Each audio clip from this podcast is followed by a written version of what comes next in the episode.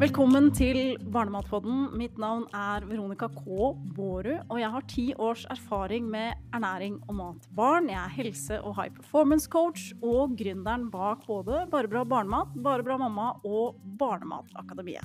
Jeg er skikkelig matnerd, og jeg elsker alt som har med mat, helse og tankesett å gjøre. Hvordan vi kan bli mer opplyst om maten vi spiser, hva som fører til god helse, og hvordan vi samtidig finner en balanse i hverdagen som passer oss og også klare å gi litt mer F og være greie med oss sjøl i denne prosessen. Og hvis du ønsker en enklere mathverdag, du har lyst til å lage barnematen selv og rett og slett bli mer inspirert til å ta bedre matvalg for deg og familien, da har du kommet til rett sted. Mitt mål i denne podkasten er å gjøre deg tryggere i matverden og se at det er mulig å spise bra og samtidig senke skuldrene. Jeg gir deg verktøy, strategier, ressurser og læring for å navigere matjungelen bedre, så se på dette som en inspirasjonskanal for mer kunnskap. Tusen takk for at du er her i dag, og la oss hoppe inn i dagens episode. Denne første episoden det er rett og slett et opptak fra en Instagram live som eh, jeg holdt, hvor jeg eh, legger inn en kommentar om eh, For det var en artikkel her om dagen om at vi skulle drite litt mer i kostholdet til barna. Jeg deler litt av mine tanker rundt det her, og når du hører at jeg snakker om kommentarer og spørsmål osv., så, videre, så er jo dette fordi det var på Instagram. Og har du spørsmål eller kommentarer til podkasten, så kan du alltid sende meg en DM på, eller melding på Instagram. Barbara mamma. Du finner link under. Så jeg håper du koser deg med denne første episoden. Det kommer til å komme mye mer, men dette her er bare en sånn myk, liten, fin start. Kos deg masse, og, og så finner du meg selvfølgelig på Instagram. På tide at vi driter litt mer i kostholdet til barna våre. Syns du ikke det? Jeg skal bare ta en kjapp introduksjon for deg som ikke kjenner meg fra før. Så heter jeg Veronica. Jeg har en lang kostholdsreise bak meg. Jeg jobbet ti år med ernæring og ernæring til barn. I 2013 så startet jeg Barbara barnemat. Nå driver jeg Barbara mamma, Barnematakademiet.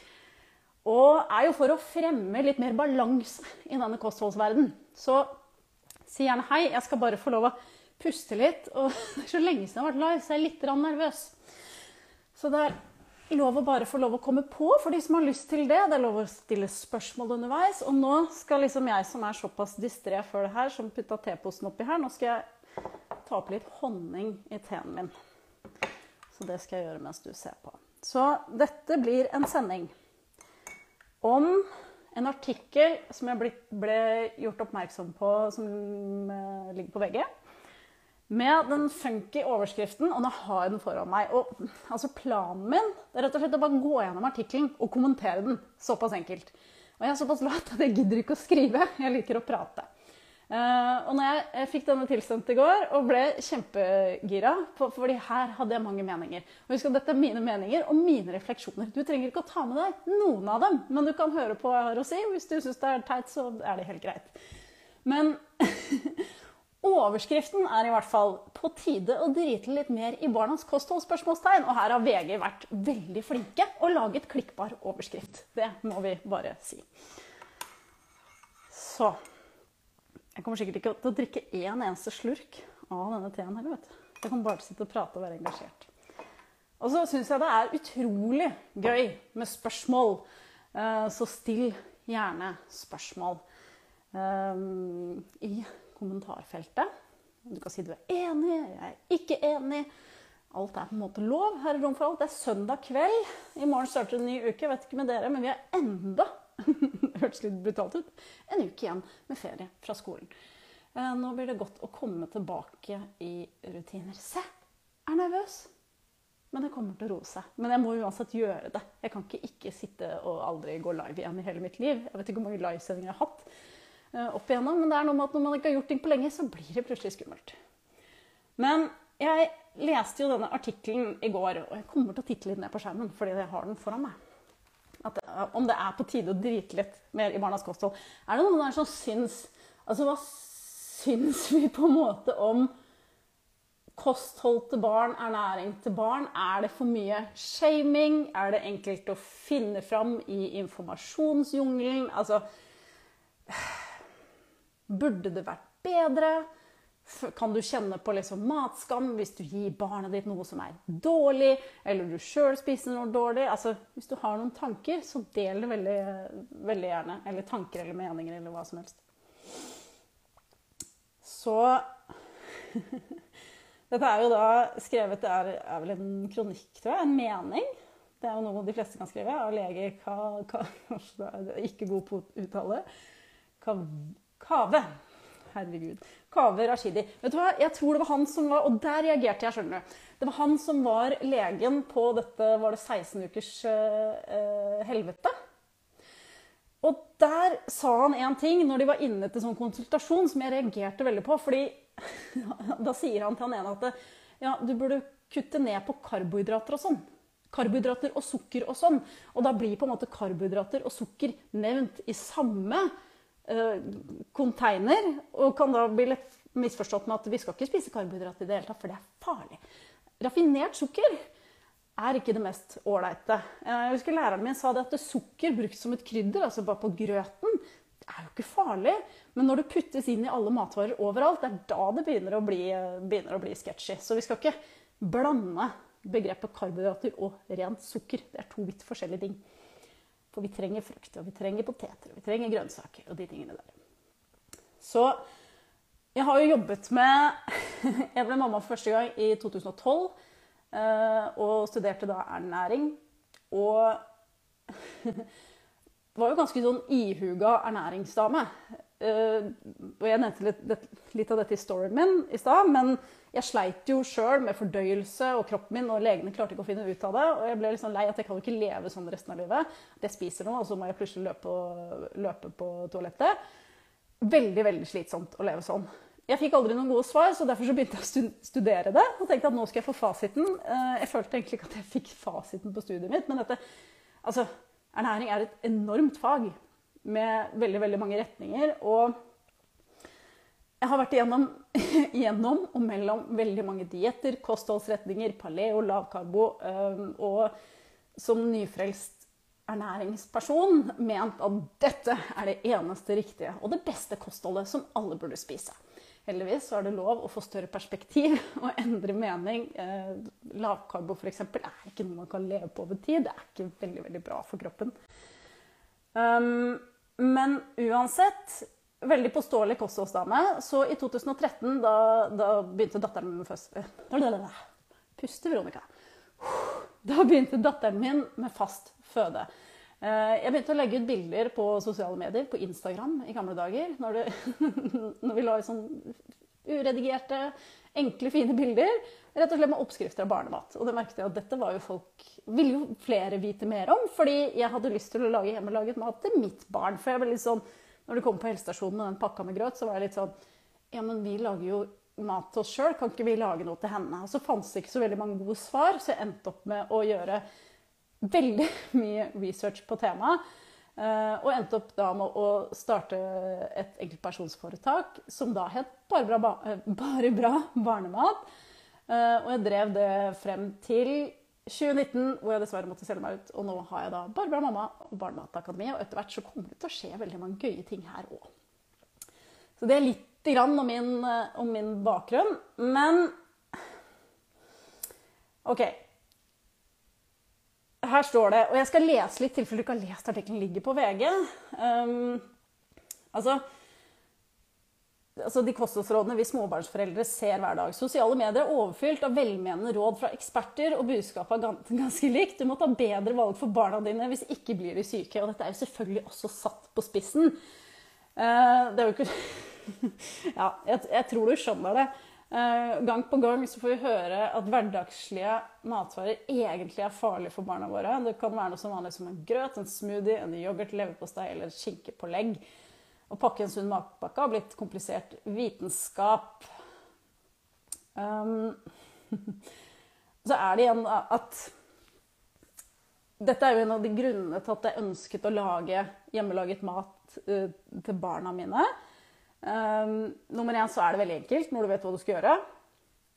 Uh, inni meg Dette blir som med at nå har det kommet frem at aspartam uh, er kreftfremkallende. Jeg har hatt en dårlig følelse på aspartam i mange, mange år. Men jeg har ikke giddet å sagt noe, fordi jeg har en følelse. Ikke sant? Jeg har ikke noe å backe det opp med. Eller ikke en følelse, ikke en følelse av at den grøten er sånn innmari, innmari Altså det beste. Men så, så, må vi jo se, og dette tenker jeg er så utrolig viktig, på livssituasjonen vår. Og hvordan vi har det. Altså har du født et barn, gått inn i en dyp fødselsdesperasjon Desperasjon? Herregud. Fødselsdepresjon. Og så skal du plutselig putte på deg at du skal også lage all denne maten selv. Og det er liksom veldig mange ting som skjer når man blir spesielt mor. Jeg kan kun snakke fra mors perspektiv, for jeg er ikke far. At vi har lyst til å gjøre ting så innmari bra og så innmari perfekt. Men så må vi også se på vår egen situasjon, egen energi. Er dette noe vi har overskudd til? Hva skal jeg velge nå? Barnet mitt dør ikke, selv om det får ferdig grøt. Det er veldig, veldig viktig å få frem. Men jeg kan også få frem at det er veldig enkelt å gjøre det og lage det sjøl. Du klarer å dekke næringsstoffbehovet med å lage f.eks. hjemmelaga barnemat. Um, litt sånn problematisk med disse produktene er jo gjerne at de er veldig søte. Barna blir vant til en veldig sånn kunstig søt smak, sånn som i disse smoothiene, smoothieposene. Um, jeg har jo også gitt de selv. Uh, opp igjennom ikke veldig mye, jeg, altså jeg er matnerd. Har laget veldig mye, mye fra bunnen av. Men det er jo noe med at eh, vi må jo også ha denne bevisstheten at eh, produktene blir jo bearbeida, de blir jo prosessert. Det er ikke det samme som å spise uh, ferske råvarer. Men jeg vil også tenke at alle dere som er her, er oppegående mennesker som forstår de tingene. Men du er også et menneske som er på farten, som trenger å ta med deg noe til barnet ditt, og som trenger enklere løsninger i hverdagen. Um, ja. Og så snakker de om leverpostei og skinkepålegg. Jeg har bare lyst til å nevne skinkepålegget. Jeg har hørt om uh, disse Altså i økologisk skinke så er det jo et tilsetningsstoff som heter nitritt. Uh, som ikke er tilsatt, som ikke er lov å bruke, som veldig mange er skeptiske til. Og så kan jeg bare ta det på den annen side, at når jeg kjøper kokt skinke, så kjøper jeg helt vanlig kokt skinke. Um, rett og slett fordi det er rimeligere. Ja, tenkte jeg det. Uh, og så står det at et overdrevent fokus på kosthold kan være skadelig og bidrar til å skape et unødvendig komplisert forhold til mat. Um, og her har jeg også noen tanker, fordi én ting er jo matskam og hvordan vi kommenterer andres mat. Det kan gå begge veier. Um, spesielt hvis du velger å spise litt sunnere. Så jeg husker jeg har fått sånn Sittet på et lunsjrom og så har jeg med salaten min, fordi det syns jeg er godt. Uh, jeg kan også spise en brødskive med, med kjipt pålegg, men jeg tar meg en salat, for da gleder jeg meg til lunsj. Hvor sjefen da kommer og sier sånn ehm, 'Spiser du sånn salat hver dag, eller?' Jeg bare um, Ja, det, det gjør jeg fordi det liker jeg. Eh, men så kan det også være at vi har blitt sånne nyfrelste kostholdsfolk som skal komme og kommentere og liksom shame andre for maten de spiser. Det syns jeg ikke vi skal holde på med. Jeg tenker at Vi kan gå foran som gode rollemodeller, men vi trenger ikke å eh, bli sinte på og sure på andre som gir barna sine annen mat enn det vi velger å gjøre. Det er ikke noe som er verdt å bli uvenn for. Vi må respektere hverandre. Vi har forskjellig verdigrunnlag. Noen er kanskje opptatt av noe annet enn, å være så opptatt av maten. Og det å være såpass opptatt av maten kan også føre til, sånn som jeg ser det, til et slags hysteri. Altså, jeg har hørt om barn som altså, de får knapt lov å være med på bursdager fordi at der serveres det ditten, datten og ditten og datten. Um, jeg tenker det er veldig mange viktige ting som er Eller det er mange ting som er viktige for å ha et godt liv. Og en av tingene er jo selvfølgelig maten. Så er det det sosiale. Det er venner, det er familie, det er gode relasjoner. Omsorg, kjærlighet. Livet er ikke bare én ting. Eh, og jeg tenker at hvis vi blir sykelig opptatt av den ene tingen, så er det kanskje ikke så veldig sunt lenger. Fordi um, det ender jo opp med å skape et stress fremfor en glede. 'Å, fikk han i seg det? Å, var det sånn? Å, nei, nei, ikke ta på den. Å, herregud, han drakk litt brus.' OK, um, nå er mine barn straks åtte og snart elleve år. De skal møte verden. Det er ikke sånn at jeg kan skjerme dem um, resten av livet på, på sunn, uh, sunn, mat. Um, og jeg tenker litt på um, Altså egen oppvekst, da. Det var jo ikke veldig mye matkunnskap. Husker det, de voksne røyka jo inne, ikke sant? I hvert fall i mine barnebursdager så var det helt vanlig. Uh, nå er jo ikke det lov, du skal jo ikke røyke inne sammen uh, med barn. Og det var heller ikke mye kunnskap rundt dette som heter næring. Sånn at jeg har spist i min oppvekst veldig mye sånn ferdig grilla kylling. Uh, loff med sånn valmuefrø på og smør, det kunne være middag. Eller amerikansk gryte. En klassiker. Amerikansk blanding som grønnsaker. Jeg tror knapt jeg spiste en frukt. Sjokomelk som førstedrikk sammen med brus, potetgull og litt sånne ting. Eh, men det kommer jo også fra et sted hvor man ikke har kunnskapen. I dag så har vi mye mer kunnskap om hvordan maten påvirker oss. Og da tenker jeg at vi kan lære barna våre hva som er smart, og hva som kanskje ikke er så lurt. Jeg gjør det med mine barn. Jeg sier at det er ikke smart å drikke så mye brus, f.eks. Eh, det var aldri noen som sa det til meg, og jeg fikk allikevel fordi det står litt lenger ned der, så står det Ja, det er jo her. En av tre unge jenter har et problematisk forhold til spising. Og én av ti ungdom på videregående skole har spiseforstyrrelser. Det vitner at vi må kommunisere annerledes om mat. Jeg tror at vi må kommunisere på en måte som For at ungdommer er smarte. ikke sant? De kan lære. Eh, og jeg har sett det på Og dette er sånn egenerfart. Ungdomsskolen, eh, til deg som jeg vet om, så de får sånne hang-up på sånne veldig rare ting om hva som er sunt og hva som er usunt. Det er sånn, må ikke spise frukt, bare spise nøtter og så gjøre sånn og sånn. og sånn. Det er veldig mange usannheter. Så vi trenger jo ernæringsmennesker som snakker om hva som er smart å gjøre og ikke. Og hvem har tatt tak i ungdommene? Det lurer jeg på. For de trenger det. Energidriktgenerasjonen. Um, sånn at det å få kunnskap fordi det jeg skulle fram til, det var at det, selv om jeg ikke ikke hadde folk å følge med på som ungdom, altså som matmennesker jeg kunne lære av, uh, så fikk jeg jo likevel et forst ikke forstyrra forhold til mat, men jeg tenkte på oi, nå måtte jeg kanskje slanke meg litt. Eller jeg måtte gjøre sånn. Ante ikke hvordan jeg skulle gjøre det. Eh, bare så moren min som bare plutselig satt og spiste en sånn tynn suppe med noe pyrre. Så jeg bare Å ja, skal du ha det til middag? Må slanke meg litt, skjønner du. Så jeg tenker at den måten å kommunisere på er så mye viktigere, og hvordan vi er som rollemodeller for barna våre. For de gjør som vi gjør, ikke som vi sier. Eh, sånn at vi er også nødt til å ta tak i selv, oss sjøl. Og det er jo kanskje her det stopper. For det er når vi må begynne å gjøre endringer og se på oss sjøl, det er da det begynner å bli vrient. Det er veldig lett å fortelle andre hva de skal gjøre. Eh, men ikke så lett å gjøre endring sjøl. Så hvis alle som sitter nå og forteller andre hva de skal gjøre, heller se på seg sjøl og hva slags endring kan jeg gjøre for at dette blir bedre, da får vi det mye finere, tenker jeg, da. Så selv om jeg ikke hadde disse innflytelsene som ungdom, så fikk jeg også sånn tanke om mat. bare så, Å nei, tenk om jeg blir litt tjukk. Og, og, som sånn uh, 18-åring, da hadde jeg et ganske røft år. Da, da, ble jeg ganske overvektig. Men av naturlige årsaker Jeg levde på cola. Det var jo brusautomat på, på videregående, så jeg drakk cola hver dag. Skjønte ikke hvorfor hun ene i klassen hadde med seg vann. tenkte jeg det. Jeg eh, syntes det var skikkelig teit når man kunne drikke cola som var så godt. så jeg drakk jo det hver dag. Og den brusen var jo egentlig med meg helt til jeg Etter barn nummer, uh, nummer én. Uh, og kunne egentlig aldri se for meg et liv uten brus. Men aldri hadde noen fortalt meg at det er ikke så smart å drikke så mye av den brusen. For den kan gjøre det og det og det med deg. Hadde jeg visst det, for jeg har en logisk hjerne, jeg klarer å sette ting i sammenheng, så hadde jeg kanskje tenkt at ah, ok, ja, men kanskje jeg skal prøve å drikke litt mer vann.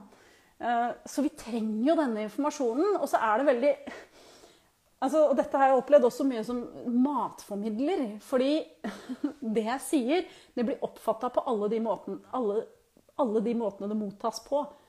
Hver og en av dere som sitter og ser på nå, vil ha andre refleksjoner eller tenke, tenke forskjellige ting. Kan tenke at det var teit eller det var fint, eller kanskje noen også er enig i visse ting. Men hvis jeg f.eks. har delt ting om, om sukker til barn, Eh, og tusen mennesker ser det, så kan noen bli eh, bare, å, tusen takk for at du sier det, nå får jeg støtte i mine valg, og jeg syns det er fantastisk. Mens andre blir rasende. For da tar jeg noe fra dem. Men jeg er ikke her for å ta noe fra noen. Og det tror jeg ikke disse andre er heller. De er her for å opplyse, for å informere, for å fortelle om ting. For at matvarebransjen, ho, den er stor, og den skal tjene penger, og det ligger veldig masse, masse bak der. Jeg husker jeg, Det var en dokumentar jeg så liksom på mye mye reklame, det var i USA, da, som ble puttet inn i, i, uh, i, forskjellige industrier. Og liksom, så du ser disse søylene og disse skalaene, og så kommer det litt sånn til frukt og grønt, så er den så liten. Uh, så det kan gjøres ting. Det kan gjøres ting for å skape mer endring. Men tenk deg disse, de produsentene, Coca-Cola, og alle de store her, de har enorme markedsbudsjetter. Uh, og da trenger vi også vite at dette er ikke smart å drikke for mye av. Mm. Så hvis dere har noen kommentarer, så del veldig gjerne. Eh, energidrikkgenerasjonen trenger å bli opplyst. Det gjør de virkelig, altså. Og det kommer nok nå, for min datter har bare Skal vi se, nå er det sjette, syvende, åttende. Tre år så er vi på ungdomsskolen, og da tenker jeg at det dukker opp helt andre ting. Men jeg er sånn for min del Altså, jeg må jo stå for mine valg og mine avgjørelser. Jeg er ganske streng, og jeg er blitt kalt ganske kjip og ganske dust. Det klarer jeg fint å takle. Både fra omverdenen og fra egne barn. Eh, men mine unger de får jo godteri. De spiser kake i bursdag, vi drikker brus innimellom. Altså, altså julaften og de er i en bursdag og sånn. Jeg tenker at ja, ja. Det, hovedsakelig så spiser de bra og drikker vann, liksom. Jeg bryr meg ikke så mye. Um, fordi har kommet hit for å leve ålreite liv også. Jeg kan ikke være en sånn hønemor som henger over dem. Jeg må gi dem kunnskap, og så må de også etter hvert lære seg å ta sine valg. Altså. De skal ut i verden. Um, så sier jo da legen igjen at uh, jeg er fullstendig klar over at det vi spiser er viktig for helsen vår. Barn spiser jevnlig for mye sukker, og for lite grønnsaker og fisk. Og her er det opp til oss foreldre. Det er her vi må ta ansvar. Må vi tilby, og så må vi sette fram. Og det er jo liksom som det står, at man bare tatt bunnlinja på den første, uh, første bildet her Til syvende og sist er løsning på barnas kosthold ganske enkelt. La barna velge fritt blant ulike sunne alternativer. Sett det fram. Gjør det tilgjengelig. Det er egentlig det enkleste. Altså bruk mest mulig råvarer. Um, har laget eh, hans seks tips. Følg offentlige råd, ignorer resten.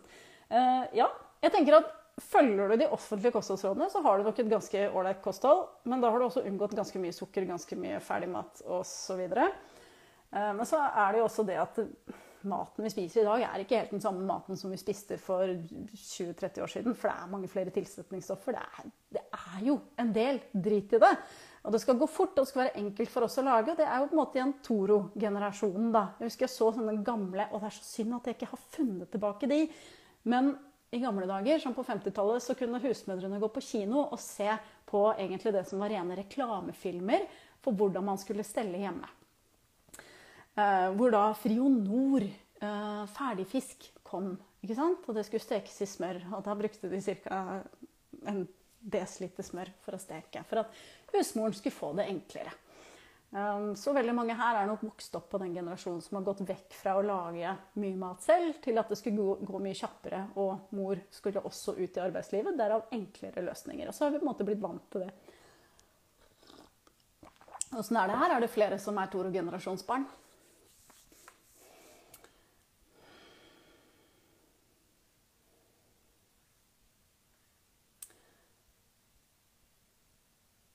Og så står det at strengere kostholdsregler virker uansett mot sin hensikt for barna. Studier viser at barn som vokser opp i familier der usunn mat forbys, oftere ender opp med problemer med overvekt og overspising enn voksne. Nå har jeg ikke lest denne studien, det har jeg ikke satt meg inn i. Men øh, det handler så mye om hvordan vi kommuniserer mat, tenker jeg. Jeg øh, pleier jo ikke å si dårlige ting om maten hvis de spiser noe som er dårlig. Jeg bare sier sånn Hei, ta dette først.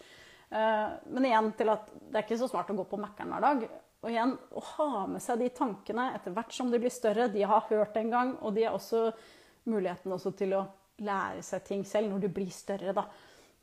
Men det å stå med pekefinger og fy og nei og Jeg har ikke noe, har ikke noe troa på det. Det er ikke noe hyggelig med en stressa person rundt matbordet som sitter og sier sånn Nei, ikke spis den ikke gjør sånn. Og det er jo typ eksempler fra kunder som jeg har hatt én til én, ikke sant? hvor du, du, må se på helheten av et liv også, hvor du står og har det ganske tøft på hjemmebane.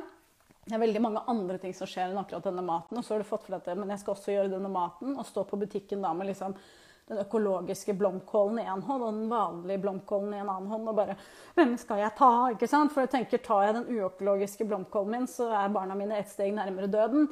De er ikke det. Og jeg tenker at den dagen, den dagen velger man posesuppe. Fordi uh, vi må på en måte ha med det perspektivet også, og så må vi gi oss også tid til å lære noe nytt. Det er en grunn til at en bachelorgrad, mastergrad, går over flere år, fordi du lærer lagvis. ikke sant? Gi seg selv tid og rom. Ja, står det at et anstrengt forhold til mat er en fare i seg selv. Hver eneste gang du har en streng regel for maten du gir barnet ditt, bidrar det til et mer anstrengt forhold til mat. Uh, noe anstrengt skal det så klart være. Barn skal tross alt, tross alt, ikke lære seg til å spise hva som helst. Den der sa egentlig ikke så mye. Men det er, liksom, det er jo noe med at eh, alle som er her, og alle som sitter her, de har lyst til å lære mer. Og de, har lyst til, og, og de søker kunnskap, og det er det en grunn til. Vi har lyst til å lære mer. Vi føler på en måte at det er ting som ikke stemmer inn i kroppene våre. Eh, vi kan kjenne det både på energinivå osv. Og, så og så begynner vi å gjøre endringer, og da trenger vi kunnskap. Eh, så de som egentlig trenger det mest, sitter ikke her nå. Mest sannsynlig. Eh, og det er jo derfor det er så viktig det arbeidet som gjøres det har ikke noe med artiklene å gjøre, men gjøres inn i barnehager og på en måte på folkehelsenivå på, i et større perspektiv, for det er nå vi alle. Um, ja, barnet ditt får antagelig nok vitaminer og mineraler. Ja, hvis man passer på å gi, gi dem frukt og grønt, da. Ikke vær så sur på resten av verden. Den syns jeg er morsom. Barnemenyer på restaurant er usunne, og lekeparker som bare selger godteri. Besteforeldre, besteforeldre som ikke følger reglene. Hva så? Ok. Um, her er det faktisk steder det går an å gjøre endringer, tenker jeg da. Um, restauranter kan man si fra til. Uh, man kan spørre om de kan putte noe annet på menyen. ikke sant? Og jo flere som gjør det, jo større innflytelse har vi. Og igjen så vil det skje endringer, fordi mange bidrar til å si fra. Um, eller be om en voksen person, person porsjon delt på to. Uh, og lekeparker som bare selger godteri. Ja, vi pleier ikke å gå til lekeland for å kjøpe lunsj. jeg sniker med. Samme mann står der, så har hvis vi skal være der lenge Vi er jo ikke der så veldig mye lenger, fordi barna mine begynner å bli ganske store. Men uh, jeg putter ting i sekken. Og så gir jeg i smug. jeg gidder ikke å kjøpe det som er der. Uh, så jeg kjenner jeg klarer ikke å få sånn superengasjement for at alle lekeparker og lekeland skal bli sånn helsesteder, egentlig. Uh, jeg tror ikke det er de for, Hei, skal vi stikke på lekeland og spise middag? Så det er igjen litt opp til Litt opp til disse lekestedene. Og jeg tenker at hvis du har slush, og, du, nei, hvis du har pommes frites og du har eple, så vil jo de fleste barn ha pommes frites fordi det smaker godt. Men vi gjerne ha et alternativ, altså. og så er det besteforeldre som ikke følger reglene. Her er jeg strengere. Det er sånn jeg er. Eh, fordi besteforeldre kommer i kontakt med barna veldig, veldig tidlig. Ikke sant? De er der, og dette er en problemstilling jeg hører mye om. Skal jeg slurpe teen? Det er sånn jeg får kjeft av hun eldste nå. Nei, ikke slurp, det er så ekkelt. Besteforeldre kommer i kontakt med barna veldig tidlig. Jeg vet ikke hvor mange meldinger jeg har fått opp igjennom om besteforeldre som foreldre sier nei til 'ikke gi babyen min på åtte måneder is'. Ja, hvorfor det? Så blir de sure og fornærma. Jeg har skrevet en del poster om det her i det siste. Men her syns jeg vi som foreldre skal få lov å sette tydelige rammer. Spesielt hvis besteforeldre er mye sammen med barna. Um, ser de de en gang i året eller en gang i halvåret, så er det jo ikke så nøye, tenker jeg. Men dette er en vurderingssak man får lov å gjøre sjøl.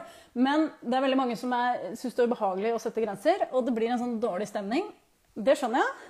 Uh, de, min erfaring er at de, de, voksne liker ikke å få tilsnakk. For de har lyst til å gjøre ting sånn som de alltid har gjort det. Og når du kommer med noe nytt, så blir det sånn øh, Det blir ubehag for dem. Og for den generasjonen som har sett mye, det er jo det at for dem så er det å kunne gi noe søtt eller, For det er, barnet liker det jo. Og det bare, mm. Eh, for dem så blir det en form for kjærlighet. De gir barnet kjærlighet og oppmerksomhet gjennom mat ikke en veldig bra greie. Det er mange måter å gi oppmerksomhet og kjærlighet på. Gjennom det å være, bare være sammen og leke sammen og gå en tur. Det trenger ikke å være noe å putte i munnen. Men um, nye kostholdsråd altså, Før så var det i hvert fall ett år. Nå lurer jeg på om det begynner å bli to eller tre år. Det anbefales å ikke ha tilsatt sukker til små barn. Jeg sier bare vent så lenge du kan. Og i hvert fall hvis du bare har fått ett barn ennå. For da har du all mulig innflytelse. Min eldste tok jo kjempelang tid før hun spiste noen form for uh, godteri. Med nummer to så var det litt annerledes, for hun lå plutselig på gulvet som ti måneder gammel baby og sutta på en sur fot. Uh, da tenkte jeg ja, ja, da tar jeg bare den. Og så var jo ikke det noe. Barnet dør ikke av det. Men jeg skal gi deg tillatelsen, hvis du trenger det, til å være tydelig med menneskene rundt deg, som er mye i kontakt med barna dine, og si at vet du hva, vi ønsker å ha det sånn her. Eh, dette ønsker jeg at du skal respektere. Dette er mitt barn. Nå, du, nå er du ferdig med å oppdra barn. Nå er det vår tur. Og sånn vil vår familie at det skal være. Og her handler det egentlig bare om å være tydelig. Og så kommer de mest sannsynligvis til å bli fornærma. Ikke alle, kanskje, men mange blir fornærma på at du får kommentarer på at du er streng, hysterisk, vanskelig å ha med å gjøre. Jeg vet ikke hvor mye rart jeg har hørt. Da. Det, er så, vanskelig å følge de reglene dine, Veronica. Uh, har jeg fått. Uh, så det har ikke alltid blitt tatt godt imot, men jeg har på en måte stått i mitt. For jeg tenker at det er min rett som mor å kunne gjøre for mine barn. Og det er og dette er også en kommentar som er ganske vanlig, som er sånn Ja, men det er jo besteforeldres rett. Nei, sier jeg. Det er ikke det. Eh, hvis de har barna alene, og barna er store nok til å få noe, så kommer de mest sannsynligvis kanskje til å gi noe. tenker jeg, Ja ja, da gjorde de det. Men når det er hele tiden ikke Nei. Det er lov å si nei. Sjøl om det vekker et ubehag, og det er ubehagelig, så er det lov å si nei. Fordi vi er en ny generasjon. Vi har mye mer kunnskap enn den andre generasjonen. Og det, og det er det jeg tenker med at vi må informere og opplyse, og så må vi lære. Og så må vi på en måte tilpasse det hvordan vi ønsker å ha det til vår familie. For det er vår rett. Ehm, og kjærlighet kan gis på mange måter. Så er det en annen ting. Altså, livet er og vil alltid være fullt av fristelser og utskeielser. Uh, ja, det vil det være. Uh, og barndommen er intet unntak. La barna opplevd å få et forhold til verden som ikke er perfekt. Uansett hvor mange bursdagsfeiringer og avslutninger barnet ditt skal, skal, på, så er det fortsatt det du putter i handlekurven som betyr mest for kostholdet deres. Ja, det du putter i handlekurven, er det som betyr mest for kostholdet. Men hvis vi også kan gå inn på disse avslutningene og på skolene og alt som foregår der, så jobber vi på folkehelsenivå. Da når vi alle, også de barna som ikke får sunne ting i handlekurvene sine. Dette har vært en av mine, mine hjertesaker, og åssen jeg også fikk bort sjokolade og sukker i den første barnehagen vi var i. Det var rett og slett disse argumentene. Barnehagen plikter å jobbe helseforebyggende. Eh, og dette står i barnehageloven, så den kan man referere til. Og sa at, rett og slett at dette er et sted hvor alle er, og det her har vi stor påvirkningskraft. Så ja. Til syvende og sist er løsningen på barnas kosthold ganske enkel. Til dere som ikke vet hva vi driver med, så kikker vi på en artikkel. Jeg kan sikkert ligge LinkedIn. Uh, la barna velge fritt blant ulike sunne alternativ. Avfølg alle kostholdsekspertene på sosiale medier og se at du får det bedre. Senk skuldrene, følg de offentlige rådene og gjør ditt beste og si deg fornøyd med det. Uh, ja, jeg tenker at du skal jo avfølge alt som ikke resonnerer med deg. Syns du ting er stress, så drit i å følge det, og så følg det heller igjen senere hvis det er andre ting som er viktig å ta tak i livet nå. Blir du inspirert? Ja. Jeg, jeg, tenker at De som er på denne veien, de kommer jo ikke til å avfølge på en måte uansett, men det er lov å skjerme seg litt. Og så er det lov å lytte innover og tenke hva trenger jeg faktisk? For det kan også bli litt sånn information overload, og så går man rundt og så er man redd for alt som finnes på butikken. Uh, og det Jeg tenker det at Hvis du lever liksom tydelig usunt hele livet altså Dette er sykdommer. Disse sykdommene disse sykdommene som er snakk om. Og det må jeg få frem. I gamle dager så døde vi av infeksjonssykdommer. Eh, og i dag så dør folk av ikke-smittsomme sykdommer, altså som hjerteinfarkt, metabolsk syndrom, altså disse tingene som skjer i kroppen vår. Og det er jo ting som kan påvirkes gjennom livsstilen vår.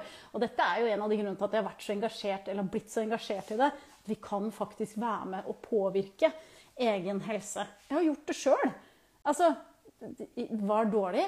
Mye bedre. Altså, det er jo Den livsstilen jeg hadde som fjortis og 20-åra, er jo ikke veldig mye å skryte av, for å si det sånn. Men Og liksom Det er jo også på en måte så er det aldri for sent å snu. Ikke sant? Hvis du har hatt sånn For min egen del skal jeg være litt personlig. De siste tre-fire årene har vært ekstremt tøffe. Med depresjon og ja, alt mulig. Jeg trenger ikke gå dypt inn i det. Men mat har jo ikke vært førsteprioritet. Og alt det jeg vet om mat, og alle de tingene der, så har jeg på en måte ikke hatt null overskudd til å gjennomføre. Og null overskudd altså Det eneste jeg har passa på, er at det står en ålreit middag på bordet når barna er der. Så det har jeg gjort. Men for meg sjøl, altså ferdig pizza, enkle løsninger og bare Sikkert mye bra også, men også veldig mye dårlig. Jeg har ikke tatt veldig godt vare på meg sjøl i matveien. Uh, fordi jeg har rett og slett ikke klart. Og sånn er livet noen ganger. Og vi må også ha med den delen av det. Sånn at vi ikke ender opp med å slakte oss sjøl for at Oi, shit, jeg klarte ikke å spise perfekt. Jeg klarte ikke det.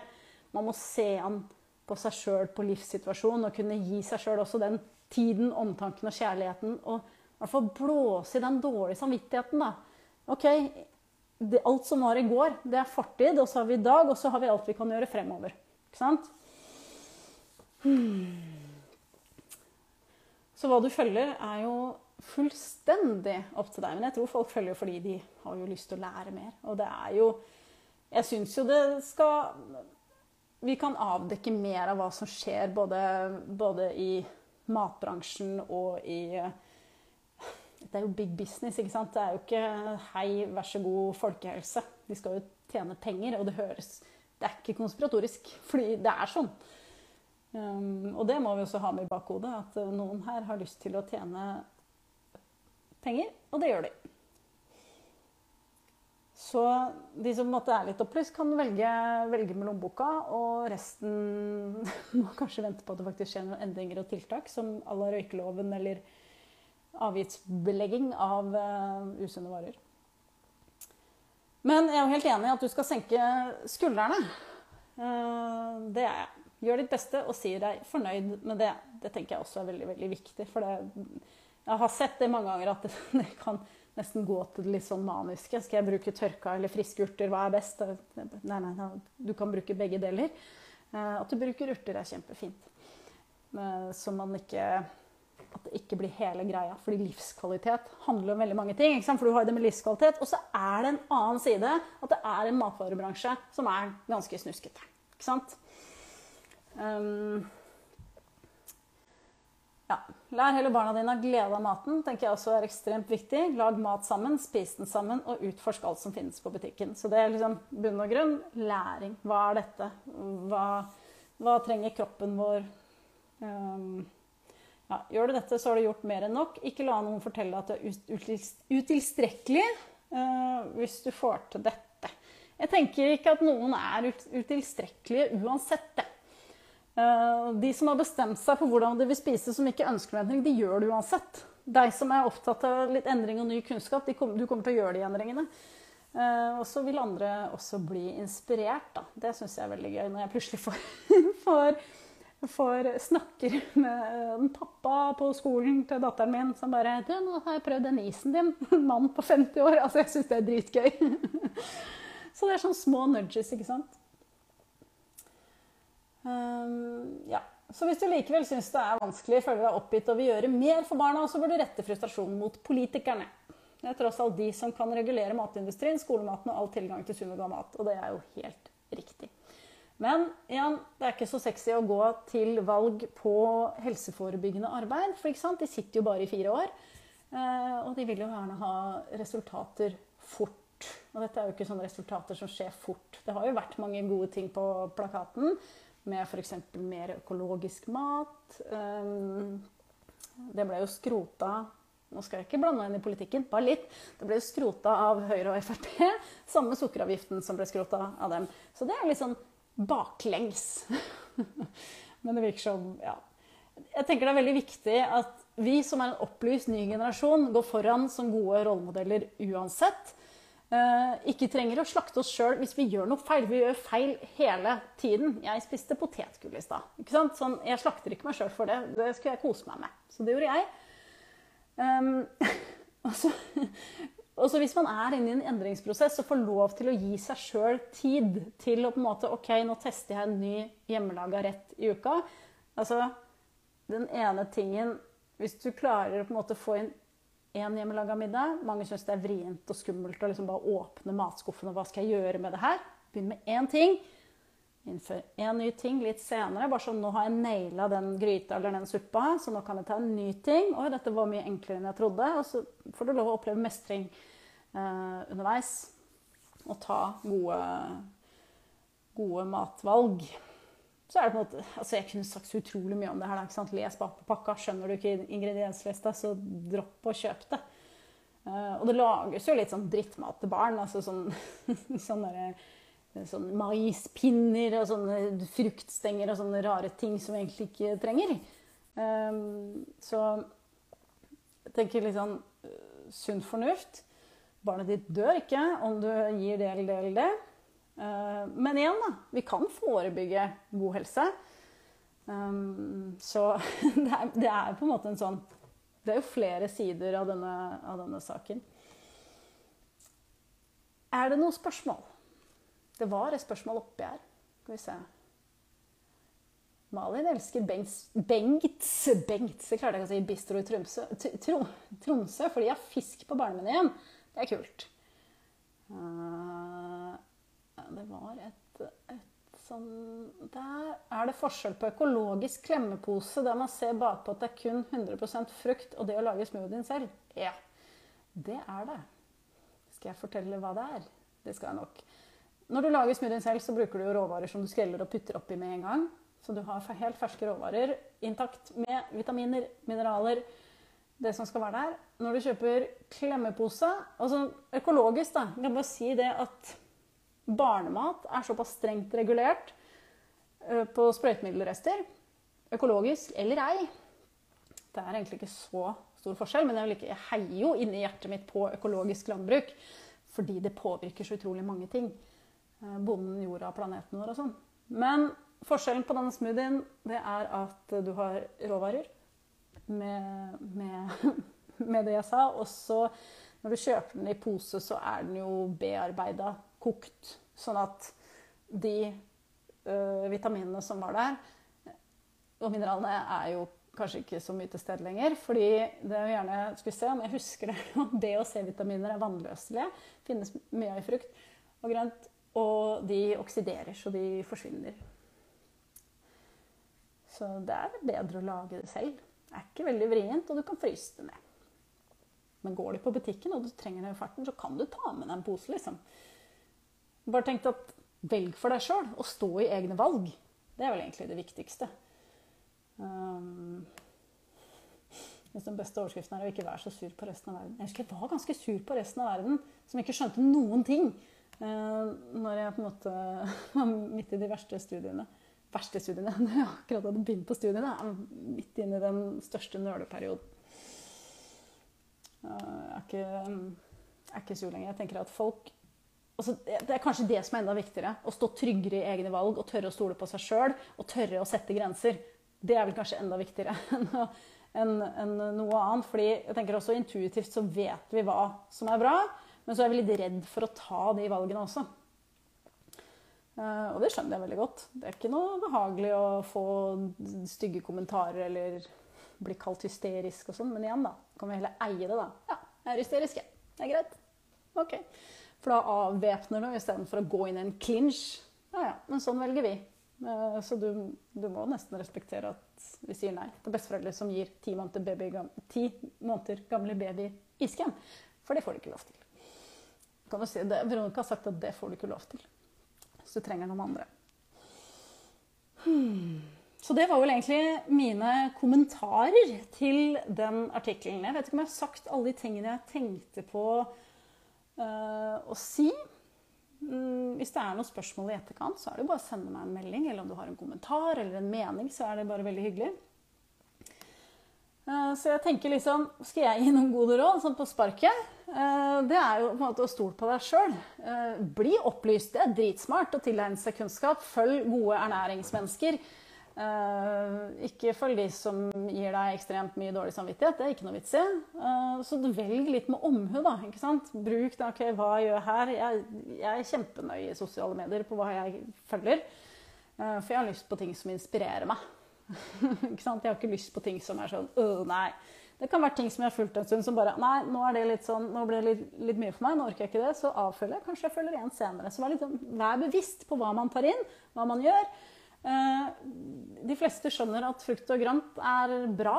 Vann som tørstedrikk. Og det er lov å si til barna sine at eh, det er ikke bra å drikke så mye brus, f.eks. Men det kommer igjen på alderen her, da.